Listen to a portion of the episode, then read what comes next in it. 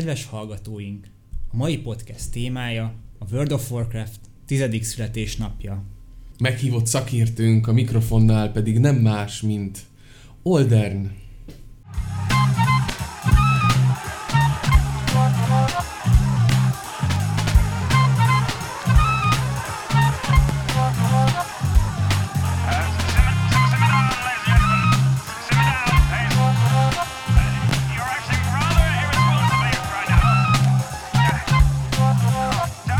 Mutatkozzunk be. Igen, igen, Hárman igen. minek mutatkozni be? Jó, Ez legyen. egy ilyen sweet threesome. Uh, Igazi, igazi minimalista. minimalista podcast lesz, ahol hárman vagyunk itt. Géci Attila Mackó. Csető Zsolt Dreg. Velmasi Arnold Oldern. Egyébként Oldern téged régen láttunk már. Pedig itt voltam legutóbb előtt. Legutóbb Tehát előtt. Ákost került, Ákossal kerültük el egymást, mert szerintem túl nagy lett volna a káromkodás faktor egy podcastre, úgyhogy Ja, ö, lehet, lehet. muszáj volt így Bassza beosztani. ja.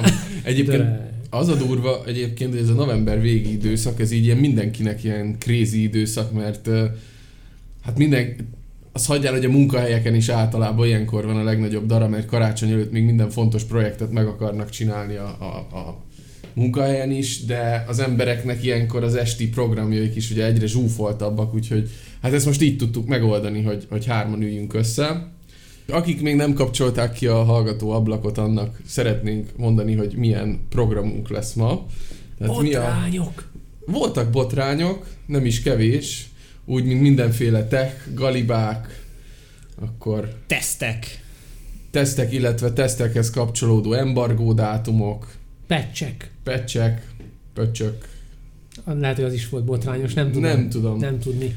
DLC-k. DLC, Ja, az, viszont, az viszont egy antibotrány, úgyhogy körülbelül ezek lesznek azok a témák, amiket a mai napon elhoztunk nektek, és szerintem azért lehetne beszélgetni arról is, hogy ki mivel játszott.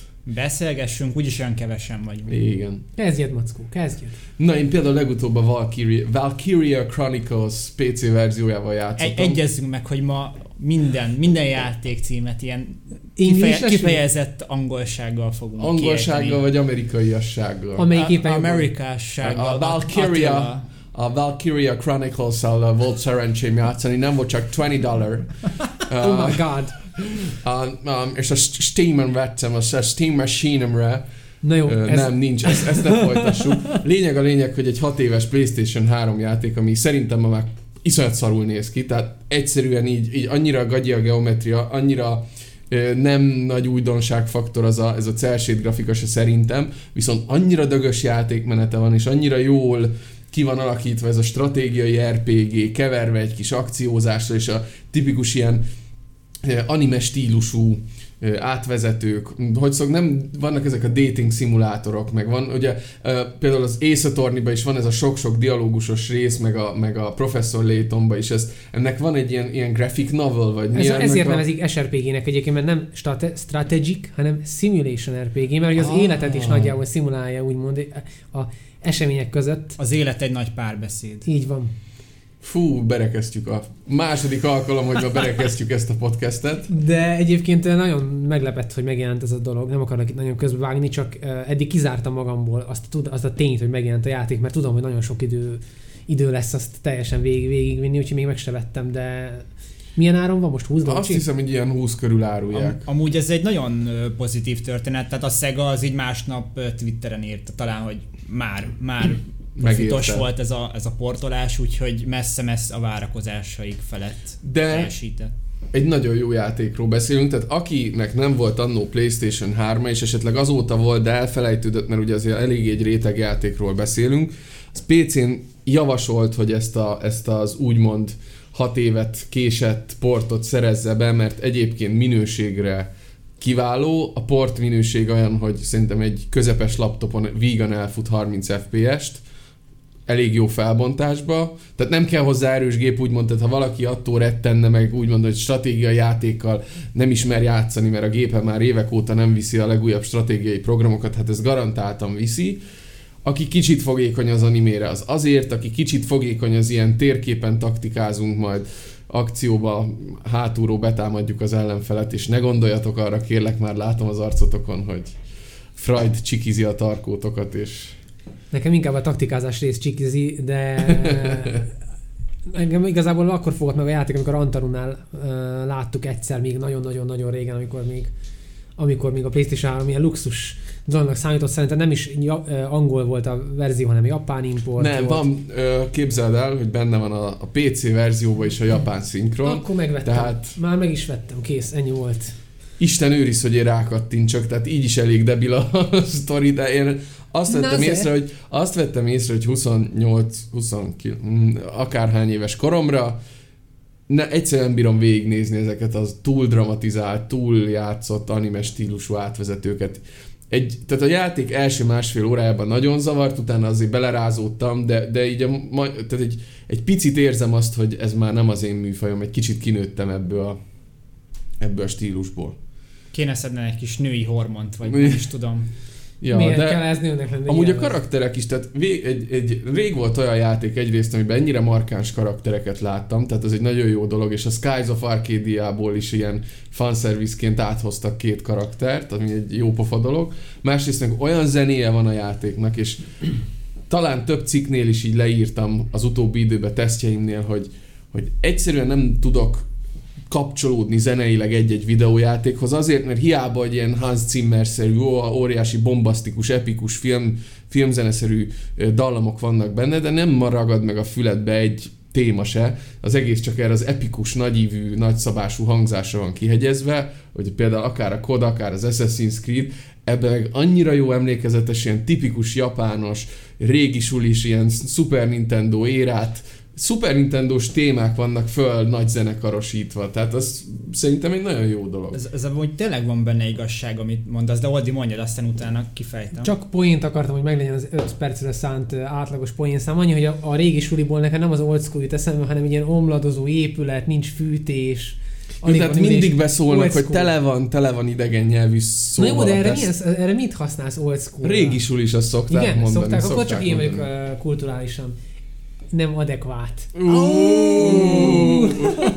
Jó, jó, tehát Na, sz- szóval akkor ezek szerint ez nem csak bennem merült fel, tehát ö, bárki visszagondol, biztos sokan fel tudtok magatokban idézni, főleg 16-32 bites érából zenéket csettintésre több tucattal.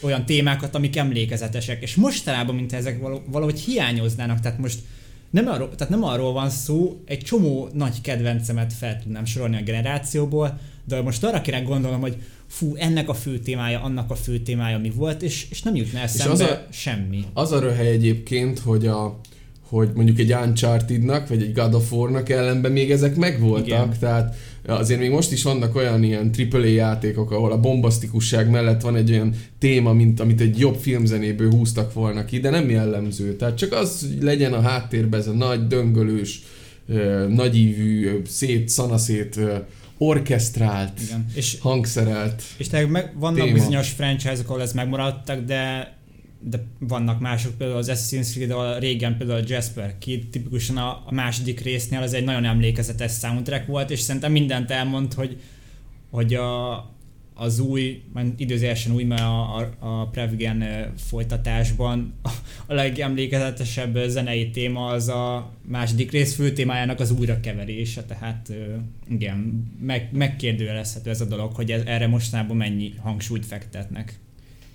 És ekközben pedig a régi klasszikusokat szerző zeneszerzők azért még ugyanúgy dolgoznak, tehát eh, nekem Uematsu-nak az összes régi zené, az, vagy nem is régen, hanem az összes eh, Lost Odyssey soundtracket mai napig fel tudom idézni magamba, akkor a Bravely Default-nak, Default-nak is eh, nagyon jó soundtrackja van. All they come a Bravely Default. A Donkey Kong Country Returns-nek igaz, még a játékot nem vettem meg, mert végül sincs még, de a játéknak a soundtrackét azt már vagy százszor meghallgattam, nagyon volt kicsit túlzás. A Bayonetta 2 viszont már nem volt olyan jó a soundtrackja, mint az egynek, mert a végén volt az első résznek a, nem tudom, vég- végigjátszottátok, Nem, egy credits, spoilerez. majd nagyon jó zene a credits alatt, egy iszonyatosan jó zene, és annak a remixe volt a kettőben, és azért én már nem voltam oda. Lehet, hogy négy év nosztalgia teszi, de én azt már azt mondtam, hogy nem. Tehát könnyű elrontani. Na, maradjunk Egyébként ennyiben. ide, ide kapcsolódva még, hogy a, a Warhawkkal és a Vegával voltunk a Video Games Live-on, de szerintem erről akkor lesz releváns beszélgetni, hogyha Warhawk is itt lesz, tehát ezt nem akarom ellőni, úgyhogy szerintem majd legközelebbi alkalommal Hát én saj, sajnálom, hogy nem jutottam el.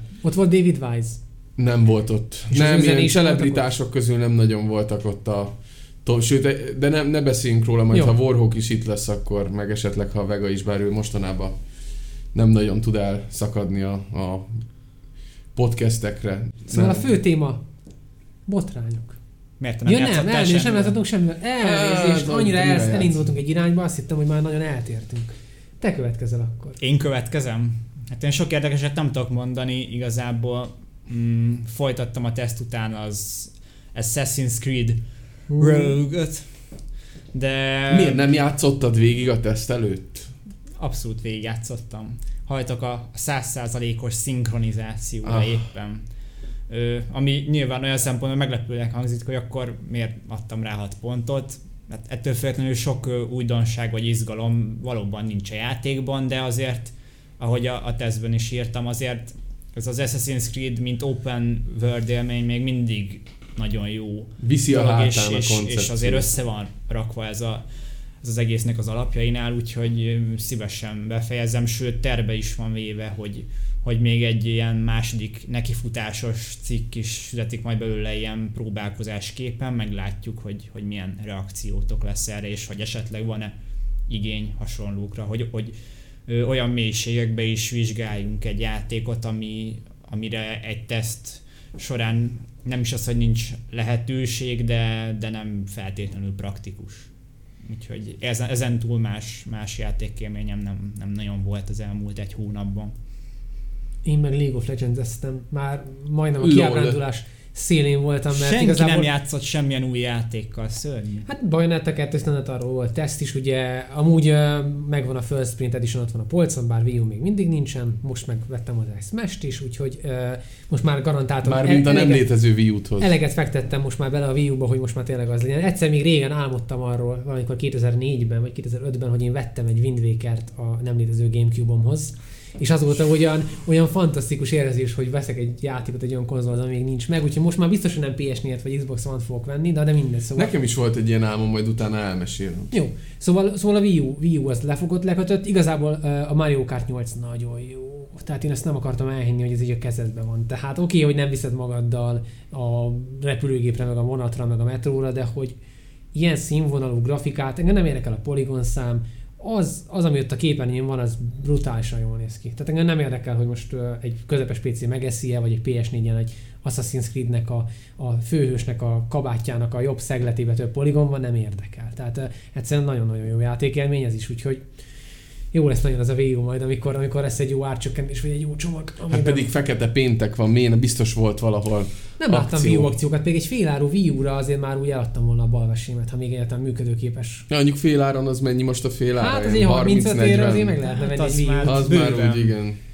De még többért is, nem, milyen félreértés ne essék tisztelt Wii U, abszolút megéri a pénzét a Wii U, nem erről van szó. Tehát Na, úgyhogy a League of Legends jó, csak az a bajom vele, hogy annyira a PvP-re, tehát annyira arra, arra koncentrál a játék, hogy hány hülye van az egyik csapatba, és az másik csapatban hány hülye van, hogy amikor nyersz, akkor se érzed jól magad, ha azért nyersz, mert az ellenfélnél volt egy hülye. Ha meg nálatok van hülye, akkor meg olyan rosszul esik az, hogy akármit csinálsz, nem tudsz változtatni rajta, hogy, hogy kb. 10 meccsből kettőt élvezek igazán, három az ilyen oké, okay, maradék öt meg olyan, hogy megkérdőjelezem azt, amiért élek. Uh-huh. Tehát ez hosszú távon tartatlan lesz, úgyhogy viszont ettől függetlenül undorító az, hogy maga a core gameplay az olyan addiktív, hogy minden alkalommal végigjátszod azt, ami egy RPG-nél egy mini karakterfejlődés, hogy szintet lépsz, mély tárgyakat venni, és ez egy mini, mini cucc beleépítve minden egyes PvP meccsben. Most ez, ez olyan, mintha egy nem tudom milyen FPS-be mindig belül is szinteznél, és még a belső, bent mondjuk a Call of Duty-ban, az aktuális részben, te még bent a loadout még a játékon belül kéne megcsinálnod minden alkalommal. Tehát ez egy olyan,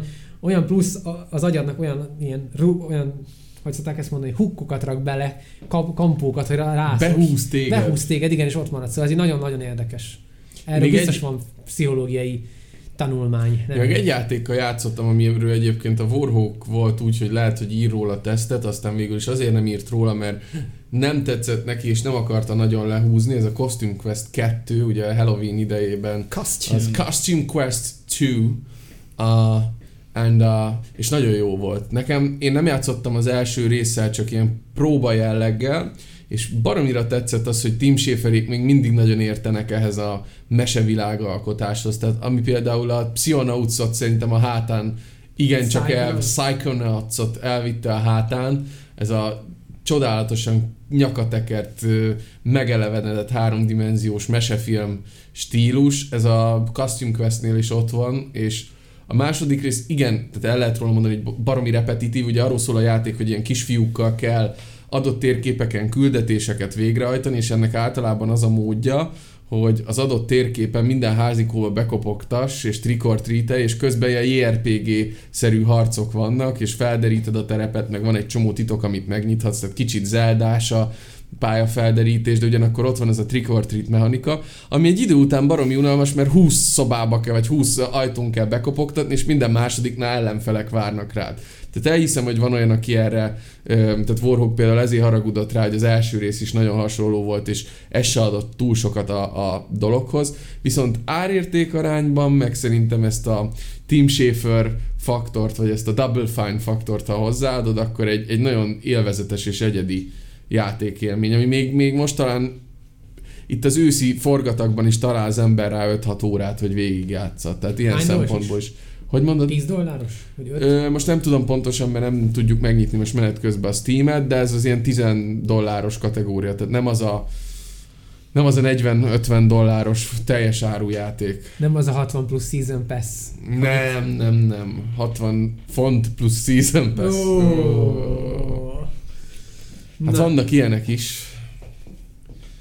De van, amikor nem így van. Kezdjük a pozitívval. Tum tum tum. Vagy kezdjük a negatívval. A pozitívval kezdjünk, aztán egy ilyen negatív Jó. végkicsengést adunk Na, majd a szóval van, amikor a 60 plusz Season Pass nem igaz, mert ö, ott van a, a CD Projektnek a példája, akik a Witcher 3-mal meglépték azt, hogy oké, okay, hogy lesznek DLC-k, nem is kevés, azt hiszem 12 vagy 16 DLC csomag van terben, talán. 18.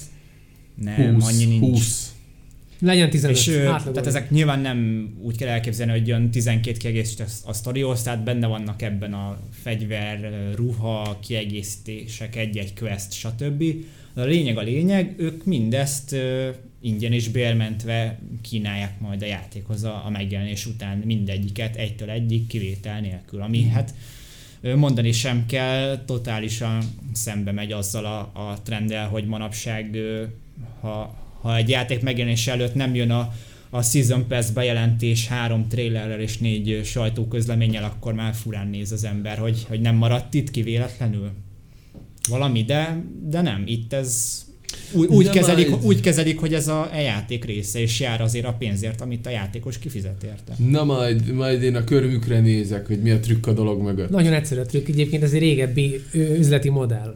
Volt még a DLC rémálom, vagy a DLC Mennyország, attól függően mennyire szereted, előtt egy olyan üzleti modell, ami arról szólt, hogy a játékodat azért volt érdemes bővíteni tartalommal megjelenés után, mert akkor a játékosok az a része, aki eddig nem vette meg a játékot, nagyobb eséllyel akarja megvenni a játékodat.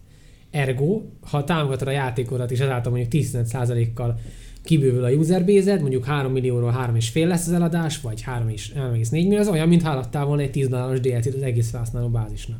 Nyilván az egyiket könnyebb átvinni a, a üzleti elemzőknek a torkán, a másikat most már valamilyen nehezebb, de a CD Projekt úgy tűnik, hogy maguk ura, és olyan szinten ö, bezsebelték ezeket az értékeléseket, és olyan szinten rájuk tekint már a, az egész uh, Ja, hát nagyon- open, world, open world RPG-s iparág gyakorlatilag ilyen, uh, hogy mondjam, tehát a Skyrim, oké, a Skyrim a méretekkel elő, elő van, viszont amikor már a BioWare is a, a Witcher-t megemlítette valamikor, nem is, nem is olyan régen, akkor azért már kiderült, hogy ők presztízsre mennek is. Ennél jobb presztízs nincs. Persze, Nincs. igazából nem, nem kell magyarázni, tehát mi is meglepődtünk azon, hogy amikor volt a nyári szavazásunk, mint melyik játékot várjátok leginkább, és a Witcher 3 lett az első, úgyhogy ezt ti tudjátok a legjobban, hogy ez, ez miért ennyire várt játék.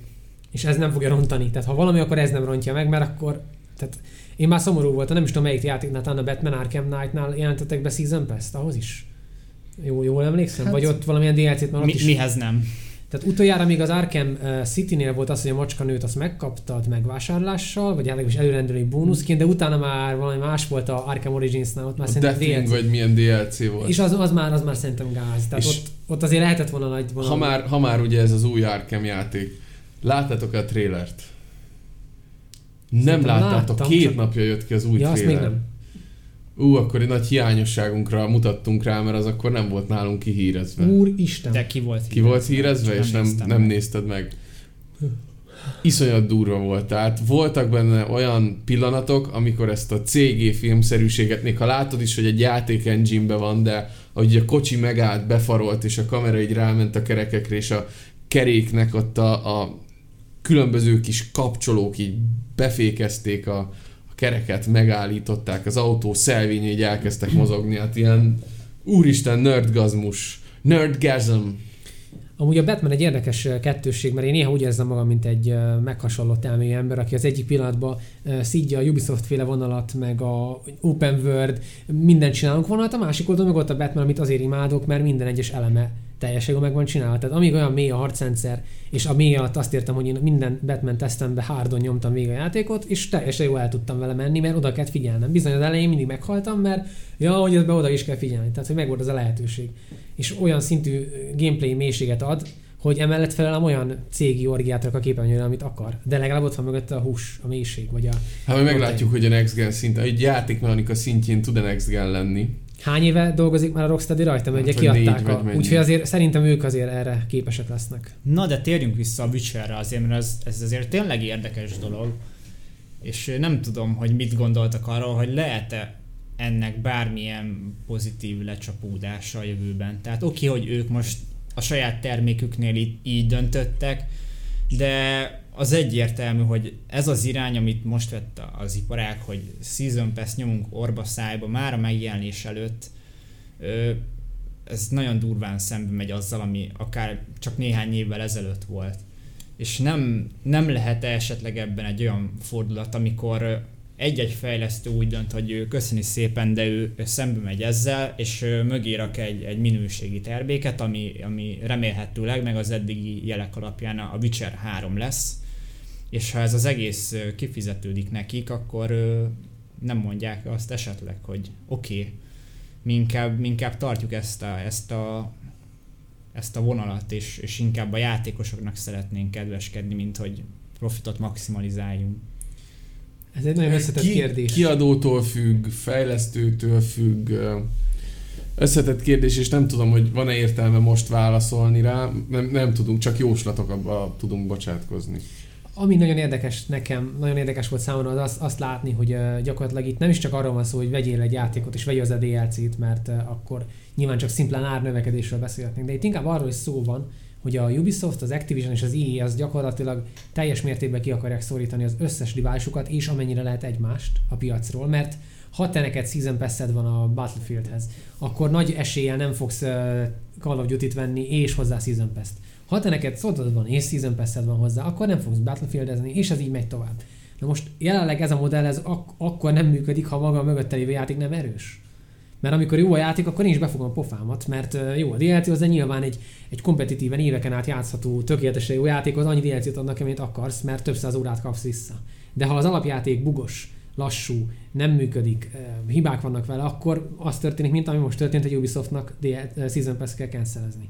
Viszont jön rá jövő héten vagy két hét múlva a Crew, amiben ugyanúgy lesz ugyanígy minden, sőt az online alapú egy egész játék, és ott nagyon-nagyon magabiztosak, ez mai nyilatkozat, hogy nagyon biztosak abban, hogy nem lesz semmiféle online probléma, semmi fennakadás nem lesz. Ehhez képest a bétában egyébként én ott fennakadásokat hallottam.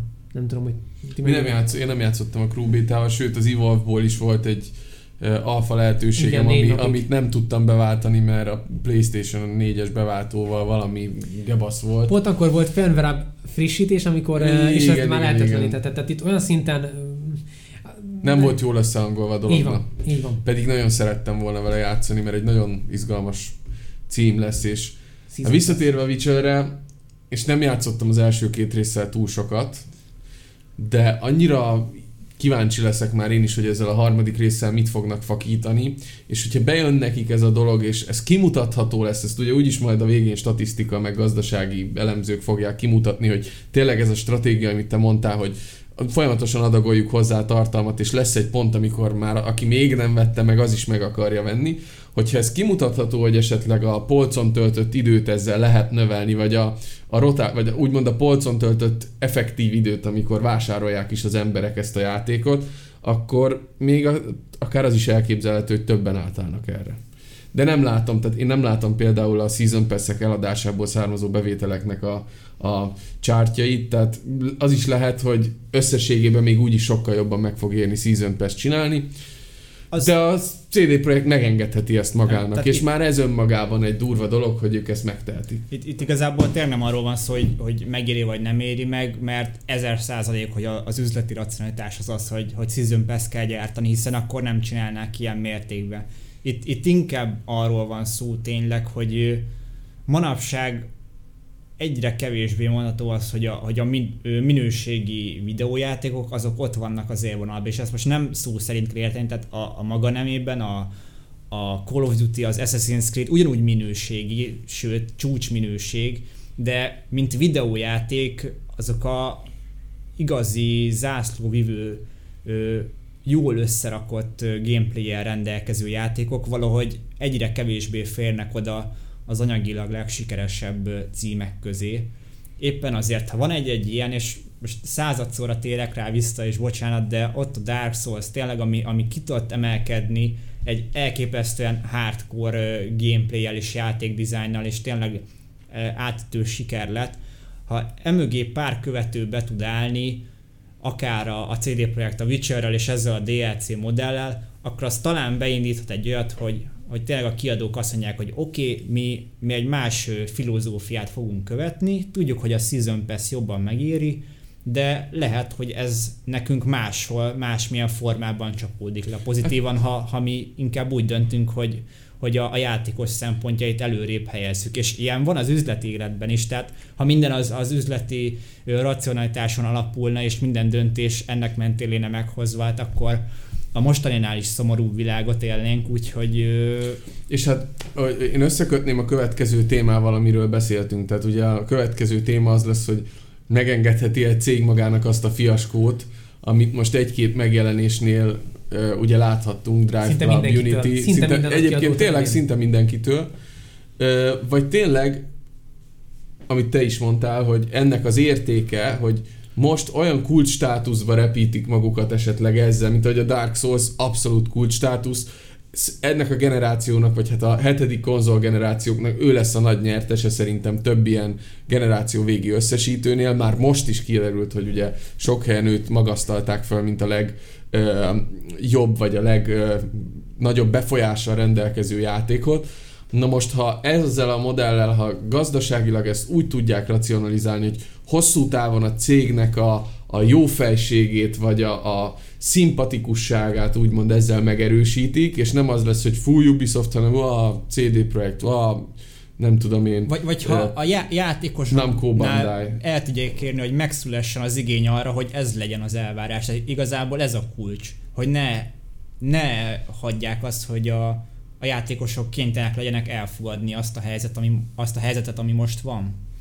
Jinquisition szoktatok nézni? Nem. Azt se tudjuk mi az oldal, úgyhogy muszáj elmondanod, mert mi nem tudjuk, akkor a hallgatók se tudják. Tényleg nem. Jim Sterlingnek a ilyen 10 perces, hetente egyszer egy 10 perces műsor, általában nagy kiadókat osztja, de általában ez, nagyon ez jó szóval ez, ez, a, ez az RTL klubban, vagy a TV2 uh, ATV. Értem. ATV, ATV Duna TV Szent Háromság, és még a harmadikat nem mondtam ki. Na mindegy, szóval az a lényeg, hogy ott, ott hallottam egy ilyen nagyon jó témát ezzel kapcsolatban, de arról van szó, hogy ezek a season pass meg ugye az ilyen játékok, azok egy vásárlói bizalmat kérnek. Tehát mindegy egy nyersanyag, a te bizalmadat veszed meg előre. Tehát, hogy bízzál a te, te bízz az én játékomban annyira, hogy nem csak, hogy előrendeld a játékomat a DLC-ért, hanem még plusz pénzt teszel bele.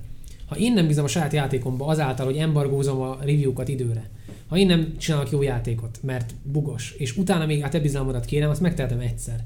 Megtehetem talán kétszer, de háromszor nehezen tehetem meg.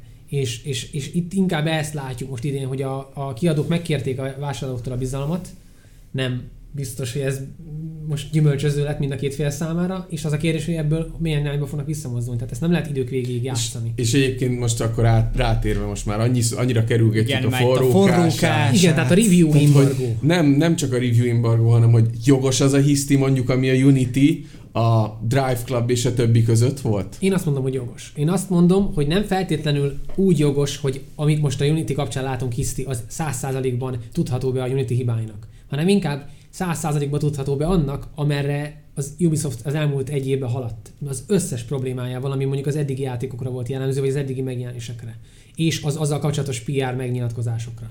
De... Tehát itt, itt valakinek már lehet, hogy elege lett, és unity mondta azt, hogy most már elég. Mert, mert korábban azt mondta, hogy oké, okay, eltűröm, eltűröm, de most elég. Nem vagyok benne biztos, hogy 100%-ig Unity a hibás, de hogy a Ubisoft irányvonala 100%-ig rossz, az 100%. Számomra. És azok számára, akik ezt emiatt mondjuk kiakadtak. Mondjuk azért annyit meg kell jegyezni, hogy még ha olyanra is sikerült a Unity, amilyenre, ugye most nyilván arról beszélünk, hogy technológiai problémák voltak a játékkal egészen ö, komolyak, azért egy, egy jókora damage controlt azt így bepróbált a Ubi, tehát ajándékjáték, meg season ha és többi. De ez nyilván nem teszi semmisé azt, ami, ami történt, és ez ez de láthatóan nyomot, hogy a játékos. De ugyanakkor meg úgy beszélünk már tényleg mi is erről az mm, eseményről, mintha tényleg ez lett volna a The Happening az utolsó három hétben, hogy a Unity milyen bagos és milyen technológiailag alulmaradott, és visszatekerjük az időt öt 5 évvel korább, nem kell 10 évre visszamenni, vagy 15-re, amikor az Ocarina of Time 16 FPS-sel jelent meg Nintendo 64-re, 16,6 FPS-sel futott az Ocarina of Time PAL verziója. És Season Pass vettél hozzá? Nem vettem hozzá, jó, mindegy, a lényeg, times are changing, times are changing, tehát az idő az változik, de Olden basszus kizökkentettél a gondolatmenetemből. Bocsánat, bocsánat. Szóval ö, öt évvel ezelőttre megyünk vissza, vagy három-négy évvel ezelőttre, amikor a Skyrim megjelent, és a Skyrimet az ég egyet a világon senki nem húzta föl a karóra, pedig az is 24 meg 25 FPS-sel futott konzolon az is ugyanúgy bebugzott, abba is ugyanúgy voltak olyan karakterek, akik saját magukból kifordultak, meg a szemük kif- kiesett a hely, helyéről, meg nem tudom én, tehát emlékszem, nézegettük, hozzá? vettem hozzá. És az, az volt a durva, hogy akkor volt egy szűk réteg, aki ebből viccet csinált, volt egy szűk réteg, aki, aki erre felháborodott, a többiek örültek, hogy volt egy olyan minőségű játék, mint a Skyrim, amiben egy iszonyatos kidolgozottságú open world virágba kalandozhattál. Most megjelenik az Assassin's Creed Unity, ami mondjuk 20 és 30 FPS között mindent képes produkálni, úgy, mint mondjuk egyébként tényleg a Skyrim is csinálta az első verzióknál, meg patchek előtt annak idején konzolon, és a nép karóba húzza, a, egy olyan játéknál, ahol nem az a lényeg, hogy 60 FPS-sel, uh, izomreflex, tökéletességgel lőtt ki a headshotot a nem tudom melyik uh, figurába, meg nem, tehát nem, nem egy esport nem játékról egy beszélünk, játék, nem, egy, nem egy Twitch action játék, uh, és, és teljesen föl van, és micsoda, meg Bunko Ubisoft, meg nem tudom én. Mondja. Tudom a választ. Az a lényeg, hogy fundamentálisan változott meg a világ az elmúlt öt évben abból a szempontból, hogy öt évvel ezelőtt teljes mértékben a kritikusok pontszámaira volt, hanya, volt hagyatkozva az egész játékvilág. Akkor még nem voltak let's play-ek, vagy csak akkor kezdődtek terjedni. Nem voltak azok a infrastruktúrák helyben, amivel a játékosok már akkor egymásnak át tudták adni ezeket az információkat. Nem volt, nem volt Digital Foundry, akik pixelről pixelre baszki kielemzik okay. a különbséget, amit én élvezek minden De egyes várjál. alkalommal. Itt azért az, arra, arra, is figyelni kell, hogy például egy Skyrimnál a tesztelők nem tettek bele 80 órát. Nem tehettek bele, mert kellett a teszt egy héten belül, beletettek mondjuk 20 órát. Adjuk meg nekik a 30-at. Voroknak adjuk meg a 30-at. De ha 80 óra után játszatlaná vált a mentésed, azt melyik tesztelő mondta? A, a Skyrim természetes evolúciója mondjuk a Metacritiken az az lett, hogy megnézed a Skyrim PS3 verzióját, teszt mondjuk áll nem tudom mennyi, 70, 80, 80, 90 nem érdekel, de megnézed a user score-t, vedd le a trollokat, és még akkor is ott lesz, hogy azért azok az eredmények azok már eltérnek a valóságtól. Most valószínűleg már nem engedheti meg magának az újságíró press azt, hogy ő abba, ugyanabban a buborékba éljen egyrészt, amiben mondjuk akkoriban éltek egyrészt. Másrészt viszont nem csak, hogy nem engedhetik meg, mert ugye látják a, a user review-kat, látják a Total Biscuit videókat, látják a let's play-eket ők is, és ha mondjuk azt mondom, hogy Assassin's Creed-et elindítom, hogy nekem nem volt bajom vele, de elmegyek a netre, és azt látom, hogy tízezer ember egy pályán mondjuk be, megmutatja, milyen bug volt, és akkor ránézek, ja, azt nem is voltam ott, vagy lehet, hogy nekem az nem tűnt fel, akkor azért neked is tudat alatt már nem tudod azt leírni a tesztbe, hogy nem futottál bele bukba. De, de tehát ez a, ez a más burok most, Oldi. Arról, arról is beszélünk, hogy a, most nem teheti meg a, tehát most beletennéd a 80 órát. Most még, még annyira nem teheti bele az újságíró a 80 órát, mert ugye az embargó déteket már kezdik, tehát a Na cikk igen. megjelentetésének az idejét már kezdik úgy időzíteni, hogy te hozd ki, hozd ki a cikket mondjuk szerdán, de csak hétfőtől lesz az újságírói ja. uh, account megnyitva ja. ahhoz, hogy tudjál vele játszani. Na, erről még fogunk beszélni, de, de visszatérve, tehát ebben biztos van igazság, amit mondtok, hogy ez az egész, amerre hát részben a sajtó, részben a, a közösségi tartalomszolgáltatás elhaladt, hogy ezek igenis előtérbe kerültek ezekkel a, a tech let's play videókkal, stb. Ez, ezek biztos jobban kiemelik ezeket a, a problémákat. De ugyanakkor szerintem Mackó pont a példáink keresztül magyarázta meg azt, hogy itt mi lehet főleg a háttérben.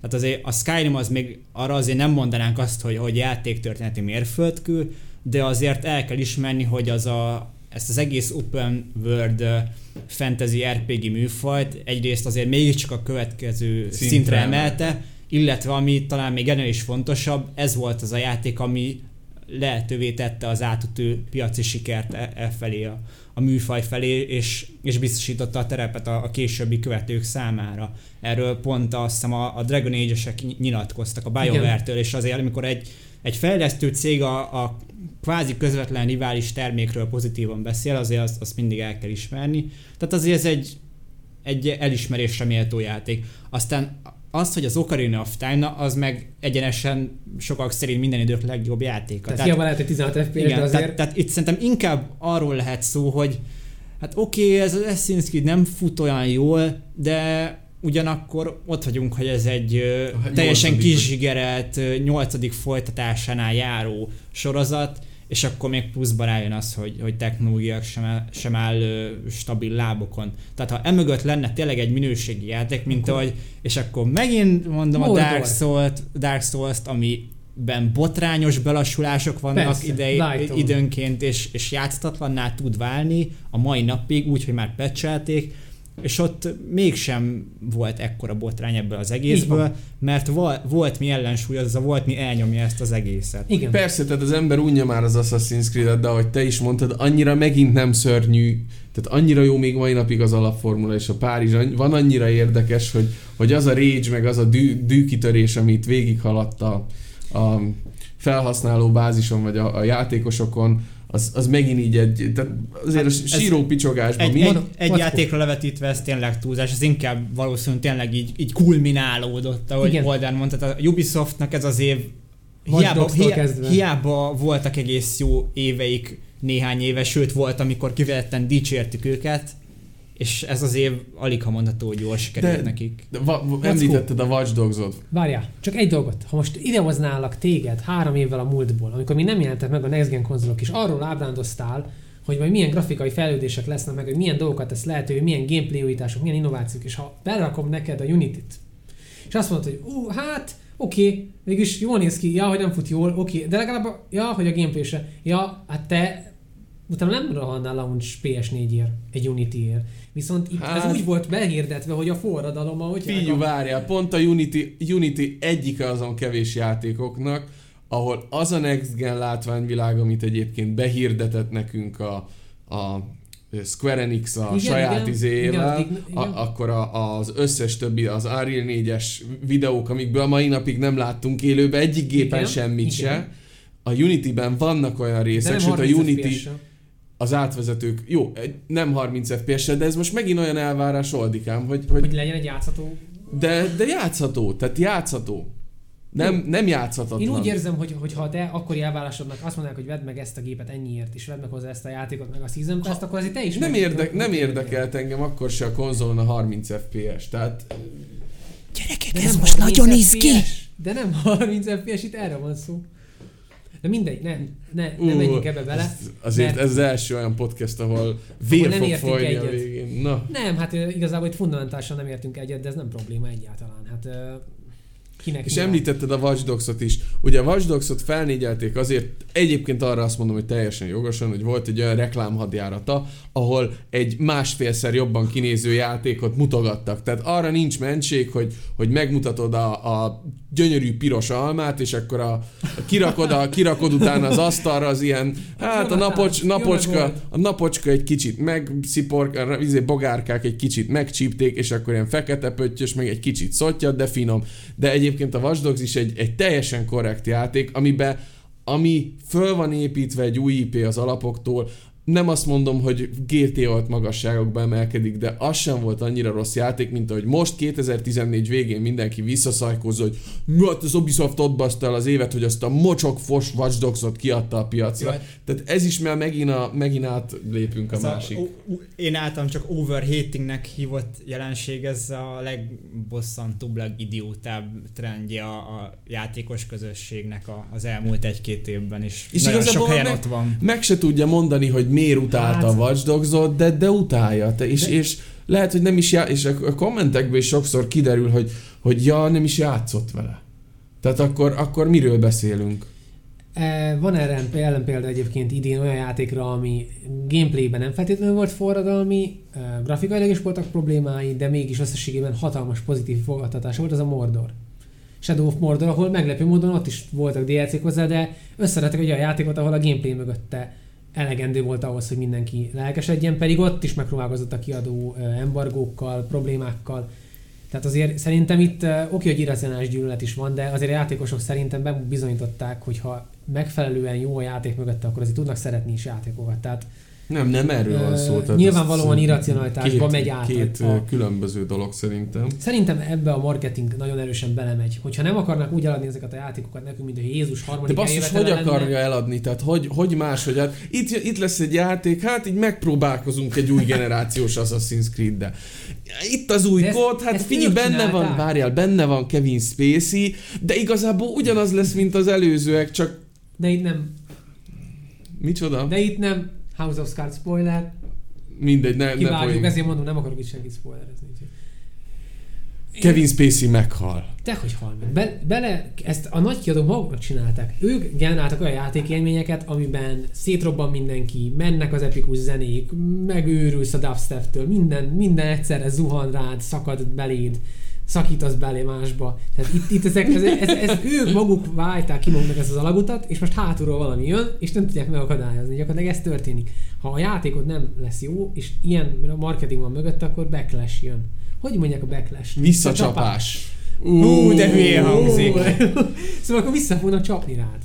Annyit kell csinálni, jó játékot kell csinálni, aztán meglátjuk, hogy De, de megint az van, hogy ezek, ezek nem rossz játékok, ezek nagyon a maguk nemében nagyon-nagyon jó játékok, még akkor is, ha 7 pontot adsz rá, mert tudod, hogy ez a nyolcadik ugyanolyan játék. Tudod azt, hogy haragszol rá, hogy nem nincs benne elég újdonság, de olyan brutális munka, átgondoltság, ész, ö, okos embereknek a hosszú-hosszú ö, agyalása is, tehát abba is gondoljunk már bele, hogy azért ö, x éve hozzák ki ezeket, tehát ki tudsz találni, olyat? Tudsz újat mondani, csinálsz egy Dark Souls-t, ami visszanyúlt 10-15-20 évre, és igen, egy 20 éves mentalitással tudsz megint zseniálisat csinálni, de, de mivel tudnád megújítani azon kívül, hogy egyébként baromi bombasztikus körítéssel prezentálsz egy egyébként nagyon jó kitalált játékformulát. Az megint más dolog, hogy évente három Assassin's Creed játékon és az ember beleun, de ne, ne kezdjük el ezeket a köröket Igen, nem, megint. tehát itt, itt Splatoon. Mackó igazán arról beszél, hogy, hogy nem az a lényeg, hogy most ezeket imádni kell, vagy utálni, hanem ö, Helyén kell kezelni. helyén kell kezelni, így van. Tehát az, hogy mi 7 pontot adunk egy nagy franchise sokadik folytatására, az nem azt jelenti, hogy a tökünk ki van, és hogy mi utáljuk, hanem hogy hát igen, ez már, ennek már nem az a impactje, hatása van, ami annak idején volt az x résznek, de ettől függetlenül ez még mindig egy jó játék, és tessék szeretni, tessék játszani vele, csak nem kell olyan elvárásokat fektetni vele szembe. Aki ezen túl megy, az most igazából a maga keresi a dolgokat, ami Keresi fel tudja, fel tudja magát idegesíteni, mert itt tényleg erről van szó. csak egy dologról ne feledkezzünk meg a végén, ezek 18 ezer forintos játékok Season pass Most 23 ezer forintot belőlök egy játékba, az nem olyan, mint 12-t belőlni 5 évvel ezelőtt. Jó, de Olden 10, 18 ezer forint, tehát ez megint meg lehet közelíteni, 18 ezer forinté kapsz 40 óra szórakozást, tehát hányszor mész el moziba 18 ezer forintból? 8-szor vagy 9-szer, ez az egyik dolog, most ez megint olyan, hogy persze lehet mérni, meg komparálni egyik dolgot a másikhoz, meg oké, okay, 18 ezer forint, de basszus, eb- tehát négy év fejlesztés, 3000 embernek az összehangolt munkája, tehát inkább ezért adjon ki 18 ezer forintot az ember, mint a 20 fejlesztő által összehányt MX versus ATV negyedik részéért, ami, ami csak azért 18 ezer forint, mert PlayStation 4-re megjelent, és egyébként meg egy PS2-es játék tesszel át sárral. De az nem is kap 7 pontot, vagy ha 2 pontot kapod, akkor elég jó játék. Hát, az baj, hogy va- van, ahol annyit ahol- kap.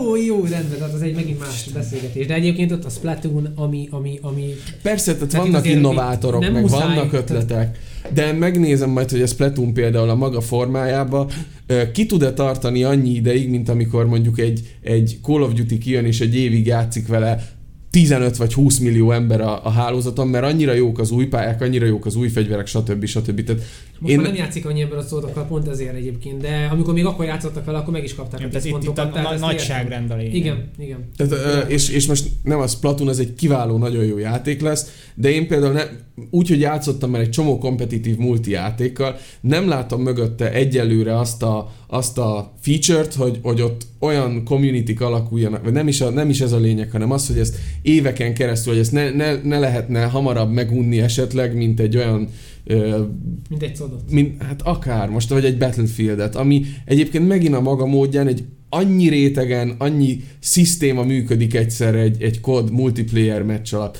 annyira ki van dolgozva, de akár egy Street Fighter 4 online meccset te tudod a legjobban. Tehát ez a Splatoon egy jófajta kóp móka, nagyon jó új ötlettel, de kíváncsi vagyok, hogy egy, egy azt a időtartamot vagy szórakoztatási periódust fogja tudni hozni, mint akár egy Season pass nélkül összerakott current shooter, aminek, ahogy Liquid fogalmazott legutóbb, önmagát intézményesítette Battlefield-é, koddá vagy valamivé, azért tudta magát önmagát, vagy azért tudta önmagát intézményesíteni, mert annyira jól kitalált alapjai vannak, és annyira ö, jó gameplay, meg akár a Halo-nál is mondhatnánk, vagy a Destiny-nél, ami azért, ahogy Ákos is mesélte múltkor, azért csak kezdi magát kinőni, és, és még mindig a rajta vannak az emberek. Tehát ö, kíváncsi vagyok, hogy ott, ott a jó ötlet, és tényleg a, a nagy halommal, vagy nagy, nagy lapáttal szól zsenialitás ellenére is képes lesz az a játék hosszú távon kompetitív multi platformként intézményesedni. Ez ki fog derülni nyilván, nyilván.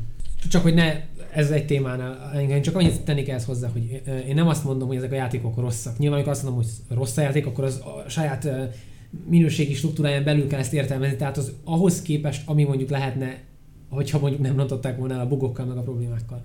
De az önmagában most már szerintem egyre kevésbé fogja meghatni a játékosokat, így haladunk előre, hogy nagy a fejlesztő csapat mögötte. Mert az, hogy nagy fejlesztő csapat van mögötte, Nem, nem ez kell, nem ez meg hogy kell, nagy a rendszer, ezek csak- nagy behemótok, ezt én elhiszem, hogy ezek óriások, megmozgatni őket, rengeteg energia és erőforrás, de ha már ekkor energia van mögötte, és ennyi tőkét követelsz meg a játékosaitól, hogy belépjenek, mert ugye, amit mondtam, nem csak azt követeld meg tőlük, hogy vegyék meg, hanem hogy kötelezik el magukat melletted.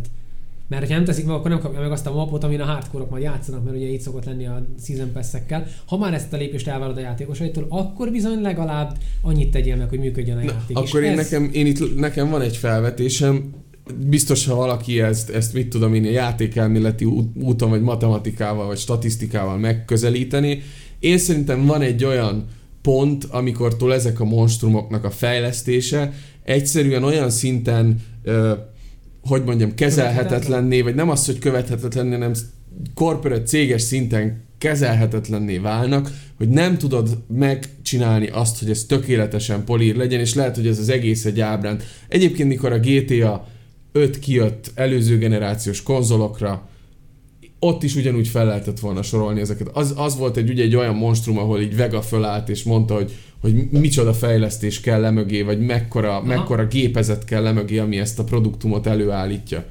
És ahogy hozzászokunk ezekhez a monstrumokhoz, akkor lehet, hogy tényleg, ahogy mondtátok, most kezdenek, most kezd az ember rájönni arra, hogy, hogy ú, ezekben azért vannak bagok, és most már elvárnak. De lehet, hogy, lehet, hogy egész egyszerűen van az egész mögött egy olyan dolog, hogy egy akkora tehetetlensége van már egy ekkora projektnek, hogy nem tudod azt megcsinálni, hogy a végén az a gömb az egy tökéletesen polír csiszolt golyó legyen, vagy Azt, hogy azt mondjam. hiszem megalapíthatjuk a sciencegaming.hu portált, ahol a videójátékok, fre, videójáték franchise-ok tehetetlenségéről hosszas-hosszas értekezéseket lehet majd olvasni és hallgatni. A gaming De nem, amúgy é- modell. Amúgy persze van igazság abban, amit mondasz, tehát ezt nem, nem kifigurázni akartam, csak kicsit oldani itt a, a feszültséget.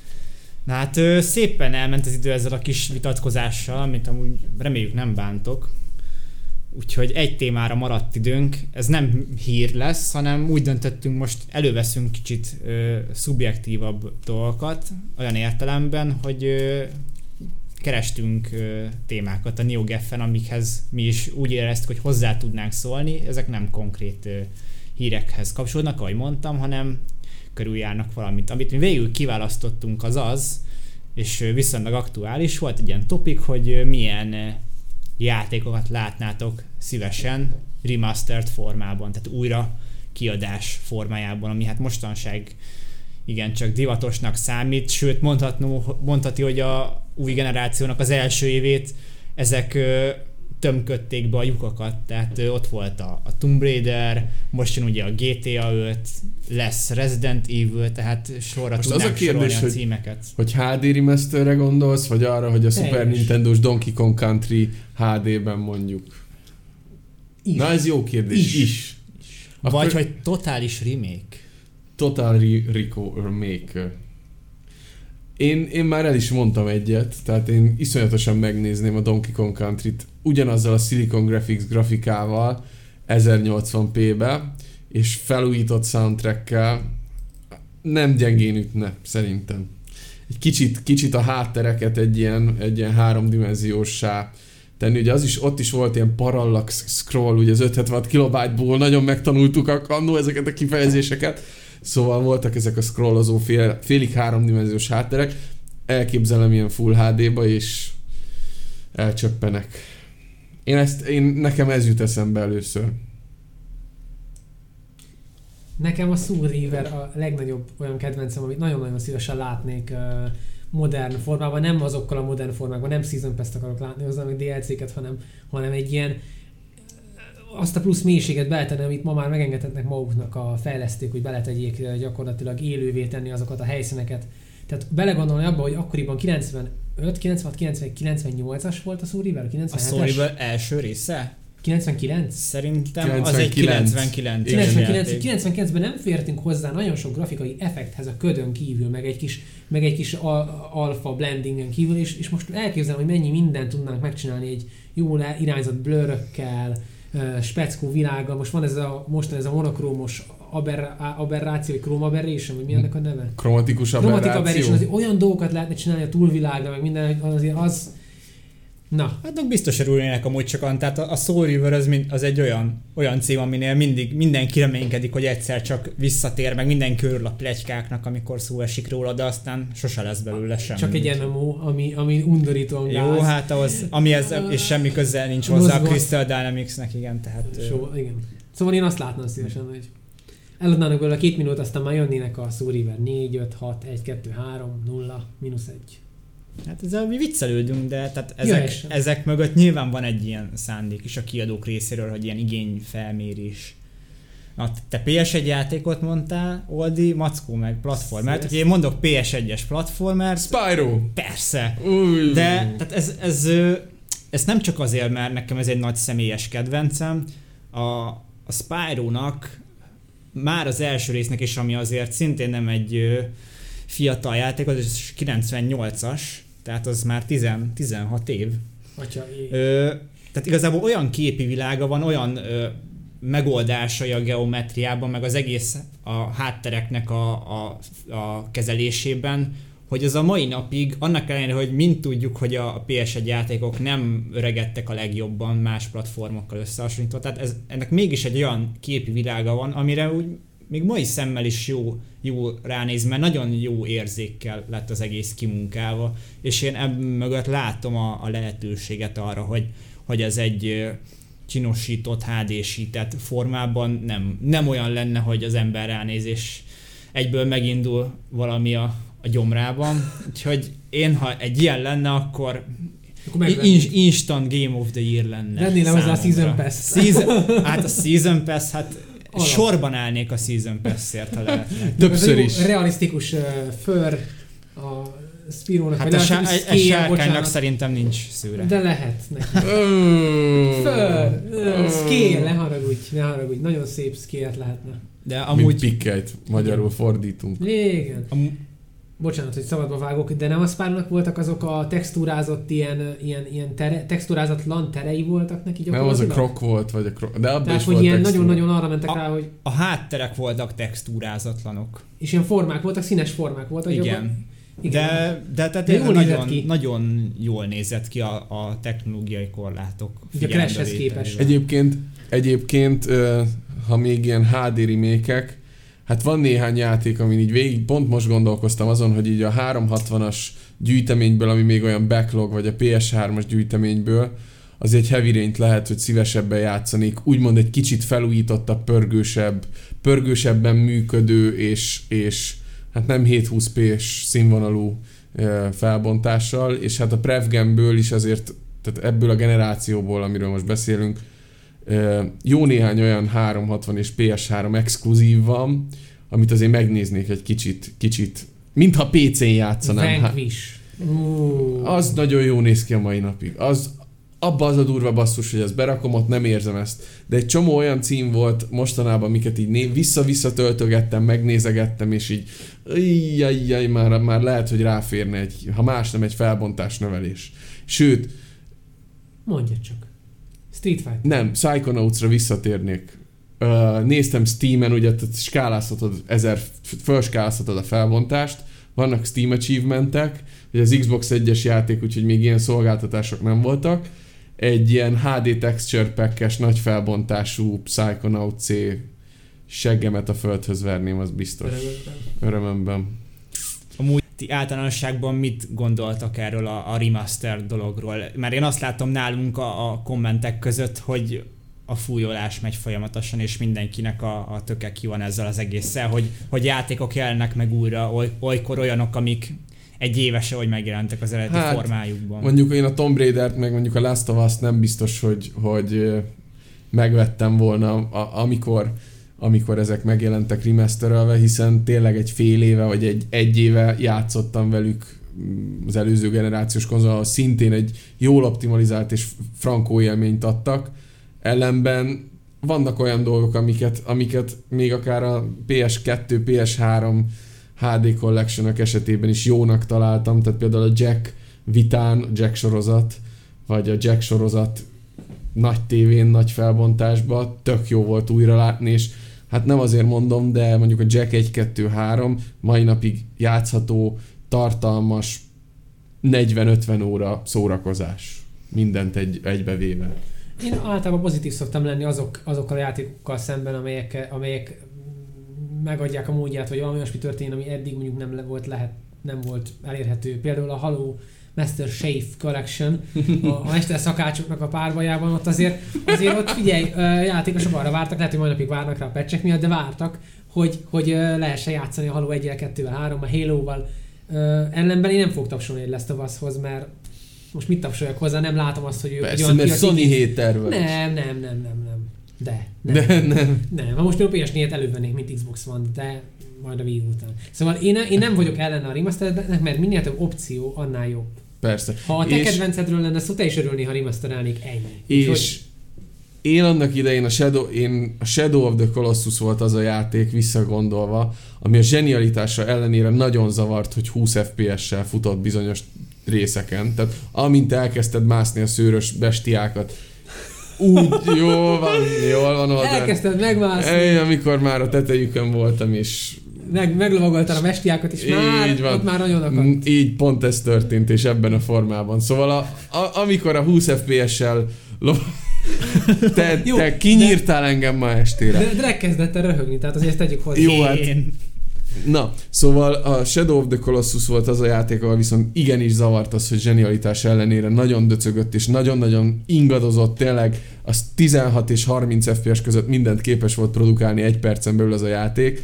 Ott például szintén nagyon jó volt, hogy jött egy, jött egy sokkal stabilabb PS3-as verzió. Apró érdekesség, én a Shadow of the Colossus 2008-ig a legszebb játéknak tartottam. Tehát hiába akadt be, ö, ö, ambíciózusabb volt, mint a kezdeti Aztán a 360 Bayonetta, PS3 vagy mi? játékok. Nem, nem, nem, nem, nem, nem. Ott nem tudom, ami jelent meg, de igazából nem is számít. Amúgy valóban én is így vagyok vele, hogy egyrészt akkor főleg megvan a létjogosultság a dolgoknak, ha egy olyas valamit javít ki, mint a Colossusnál, ami az adott kor technológiai korlátja miatt történt, és valami nem volt lehetséges, és ez a remastered verzióban javítható, bár ez van ahol fordítva sül el, például a Silent Hill 2-nél. Ó, azt nem is mond.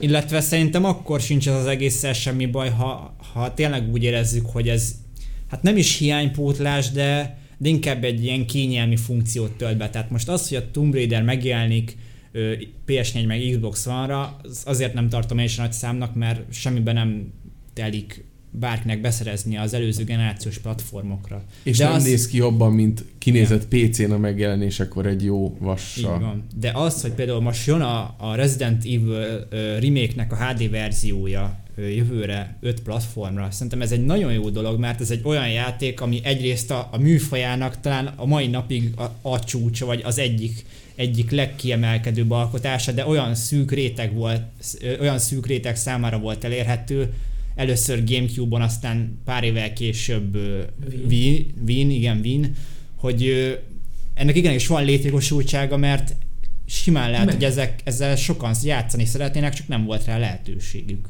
És ez ugyanúgy igaz. Megismertetheti, Ez- újra bemutathatja és ez ugyanúgy, ugyanúgy igaz volt a, a Sony-nak a, az exkluzív sorozatait újra kiadó collectionjeire. És egyébként miért ne lehessen ezt megtenni, amikor VHS után megjelent a DVD, Mindenki DVD után persze. megjelent a Blu-ray, amikor a Blu-ray első verzió után kijött a Mastered 4K Blu-ray verzió ugyanabból a filmből, akkor a játékokkal miért ne lehetne ezt újra és újra megtenni, abban az esetben, ha érdemi minőségi javulás van a dolog mögött. És mielőtt elbúcsúznánk, egyetlen kérdést teszek föl nektek. Resident Evil Claire visszatér. Szerintetek jól néz ki a karakter, korrekt a karakter, nem úgy nem szexi a karakter, hanem normálisan néz ki a karakter, mert amikor megjelent és bejelentették, akkor a Geffen sírtak, hogy úgy néz ki, mint egy drogos, aki 25 éven van túl, mármint aktív pályafutás, tehát ilyen, én teljesen meg voltam mert szerintem egy teljesen korrektül. Egy, egy normál nőnek néz ki. Nem tudom, én imádom a Resident Evil-t, vállom a Revelations 2-t is, nem különösebben érdekel a Claire, hogy néz ki benne, de amúgy De a vicc, viccet félretéve szerintem elindultunk egy olyan irányba mostanában, hogy, hogy nem, ezt a, nem ezeket a nagy csöcsű, ultrakerek, fenekű, mindent megmutató női karaktereket Elég baj, erőltetik, elég baj. hanem próbálnak kicsit visszavenni. És Csak vicceltem egy És, és jól néz ki, nem teljesen korrekt. Tehát vállal, de Claire, felismered Claire-t. Én felismerem Claire-t. Én nem láttam a trélert, úgyhogy szerintem. Van gameplay is, félperces Na, gameplay hogy megnézem. jelenetek. Pótolom. Hát ennyi volt a mai podcast. E-havi podcast, ami már nem tudjuk mi se, hogy novemberi vagy decemberi, de ez már a Decemberi decemberi... fogyasztásra, novemberi születésre, novemberi elemzésre. Mi? Wow! Szóval ez, ez a decemberi... A decemberi podcast a novemberi témákkal. Így van. Megszültük. És következő alkalommal itt lesz Liquid, itt lesznek a többiek is. Ne kiabáljuk el. Lehet, hogy én már csak ketten leszünk. Az is lehet akkor ilyen sweet double sum. Van ilyen, nem, hogy double nem, sum? nem tudom, hogy van-e. Le kell nézned, Manu. Ma est, ma, Manu, a kutyát Manu. Manu. Manónak, te mackó. Hát, ezt köszönöm Ez totál szépen. Nem. Ezt, ezt, Az a baj, hogy amikor egy név van, akkor nagyon elszoktam ezeket. Mindegy, mac. Ó, de egy kicsit ki ezt kéne mozdulni. Ez nem jó így. Nem jó, a Sweet Double Soundtól kezdve vegyük vissza. nem. Nem, onnan, hogy ez volt a... Ez volt a decemberi podcastünk, amit novemberi témákkal és még novemberi Élményekkel, ö, élményekkel töltöttünk fel. fel. Mint a hurkát. Ti pedig töltsétek le! De ez nem Vagy jó, mert már letöltöttétek, hiszen másképp nem hallhattátok volna. Úristen, streamelhe, streamelhették Na is. jó, de amikor streamelik, akkor igazából már letöltik. És ha beletekertek, akkor, akkor csak Akkor is ezt a ez, részt. egy, ez egy paradoxon, gyerekek. Nem, nem tudjuk feloldani. Na. Olyan paradoxon, mint az Interstellar plotja.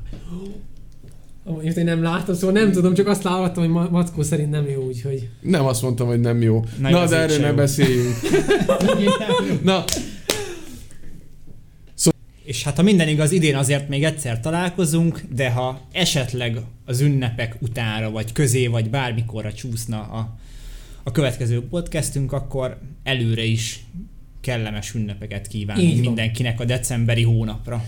a Mikulás biztos nem fogjuk megelőzni, úgyhogy ha más nem kellemes Mikulást mindenkinek, aztán jöhet a várakozás. Így van. Leginkább Sziasztok! ránk. Sziasztok! Sziasztok!